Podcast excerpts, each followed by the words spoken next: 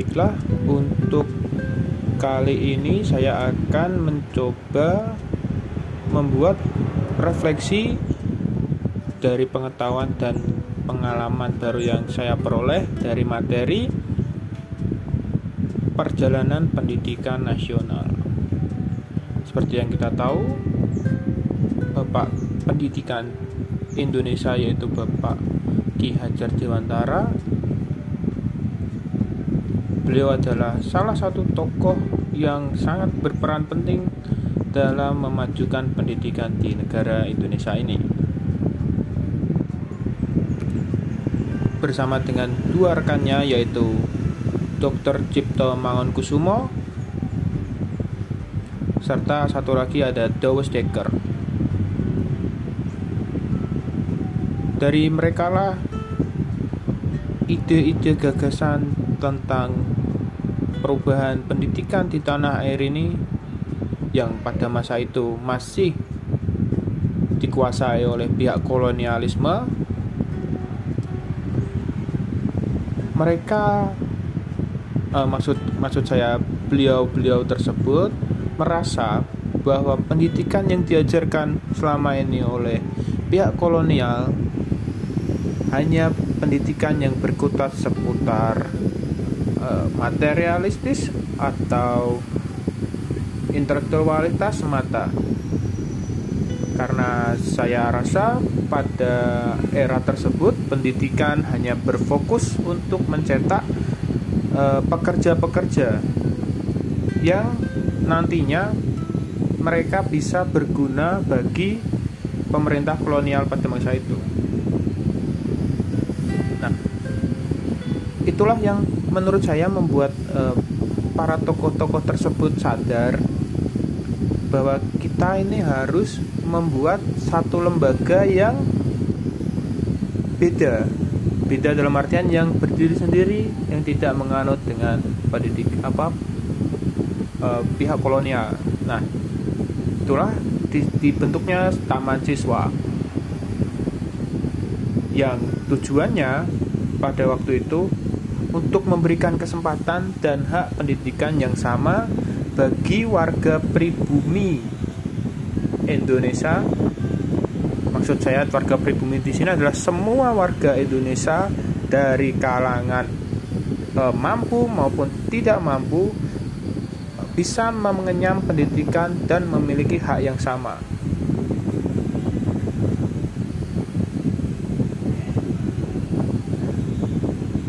Di taman siswa tersebut juga saya berpikir dan sepertinya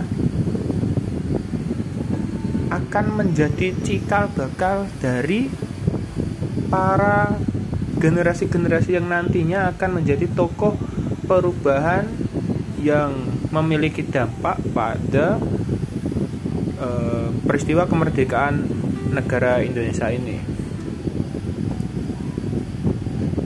Seperti yang kita tahu.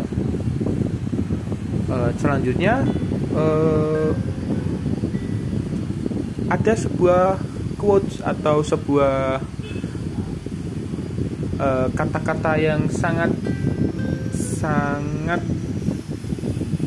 sangat apa bisa dibilang visioner atau sangat sangat bagus yang yang keluar dari ucapan oleh Ki Hajar Dewantara yang sampai sekarang masih dipakai oleh pemerintah Indonesia dan diterapkan di sistem pendidikan Indonesia.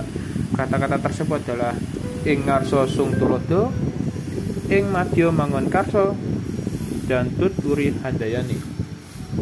Yang artinya di depan memberi teladan, di tengah memberi semangat, dan di belakang memberi dorongan yang apabila kita telah kata-kata tersebut masih sangat relevan dengan dunia pendidikan nasional pada masa kali ini.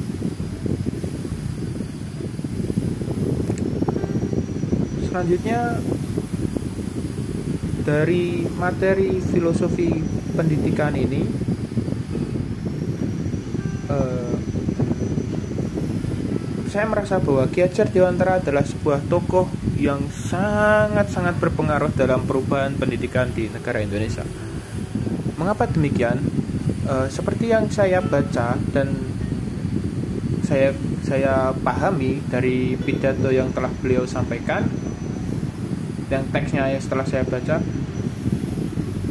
bahwa beliau ini sangat mengedepankan apa itu aspek bahwa kita itu memang sebagai bangsa hari, harus bisa berdiri sendiri. Namun karena pada saat itu bisa dibilang sumber pendidikannya yang masih sedikit, beliau memberikan solusi atau memberikan sebuah pilihan atau uh, apa bisa bukan pilihan bisa dibilang sesuatu yang yang harusnya diterapkan pada generasi penerus adalah tentang kegiatan asimilasi yang yang banyak. Pada saat itu tokoh-tokoh selain Ki Hajar Dewantara yang agak menentang konsep uh, penggabungan budaya yang yang mungkin mereka berpikir bahwa untuk menjadi merdeka kita harus bisa membuat sebuah aturan sendiri atau media sendiri pembelajaran sendiri yang yang mungkin sebenarnya pasti para tokoh-tokoh tersebut mempunyai tujuan yang sangat bagus dan pasti mereka ingin untuk memajukan negara Indonesia ini. Namun untuk Ki Hajar Dewantara sendiri beliau memiliki pandangan lain dengan cara okay, kita memang harus bisa berdiri sendiri namun kita tidak boleh membatasi diri sendiri dengan cara memblok apa pun yang kita dapat dari negara lain. Ki Hajar Dewantara di sini memberitahu bahwa tidak apa-apa bila kita mendapatkan atau mendapatkan pengetahuan yang baik dari negara misal Belanda, Inggris atau negara-negara yang lain, Amerika pun. Jadi di sini Ki Hajar Dewantara tidak bukan orang yang monoton yang harus uh, maksud saya bukan orang yang konservatif atau puritan beliau lebih fleksibel dan lebih apa bisa dibilang beliau lebih lebih lebih tahu bahwa lebih tahu untuk apa yang harus dipakai dan apa yang tidak harus dipakai. Jadi saya menangkap yang dapat saya tangkap dari pidato beliau adalah apabila hal tersebut baik untuk diterapkan dan sesuai dengan cita-cita yang telah terkandung dalam Undang-Undang Dasar 1945 beliau merasa bahwa itu tidak apa-apa dan bagus untuk dilakukan. Sedangkan dengan prinsip-prinsip yang berbeda dalam kutip dengan tujuan dari bangsa negara ini ya kita tidak perlu mengikutinya karena memang tidak cocok. Nah di sini saya saya, saya menangkap bahwa Ki Hajar Dewantara memiliki pikiran yang visioner yang apabila beliau hadir di masa ini saya yakin bahwa pikiran-pikiran beliau pasti sangat cocok dan sangat uh, pas apabila diterapkan dan diajarkan ke generasi sekarang. Generasi milenial kah, generasi Z atau generasi Alpha? Dengan dengan itu saya menangkap bahwa memang saya sangat kagum dengan pemikiran-pemikiran Ki Hajar Dewantara yang yang saya yakin apabila diterapkan.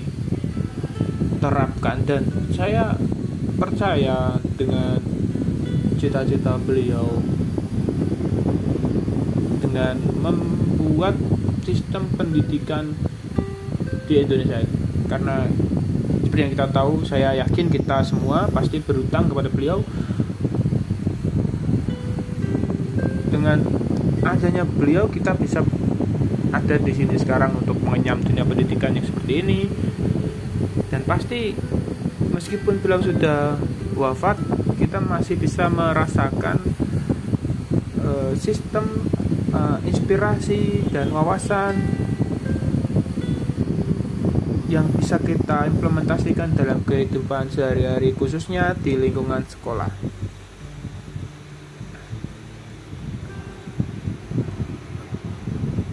Lalu beliau juga mengajarkan bahwa tidak lupa kita harus tetap bertakwa kepada Tuhan yang Maha Esa sesuai dengan kepercayaan dan pemahaman kita karena memang kita tidak bisa melakukan segala hal dalam hidup ini.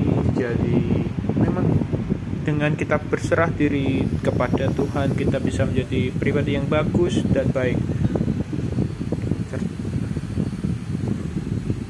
Saya uh, dapat mengambil kesimpulan bahwa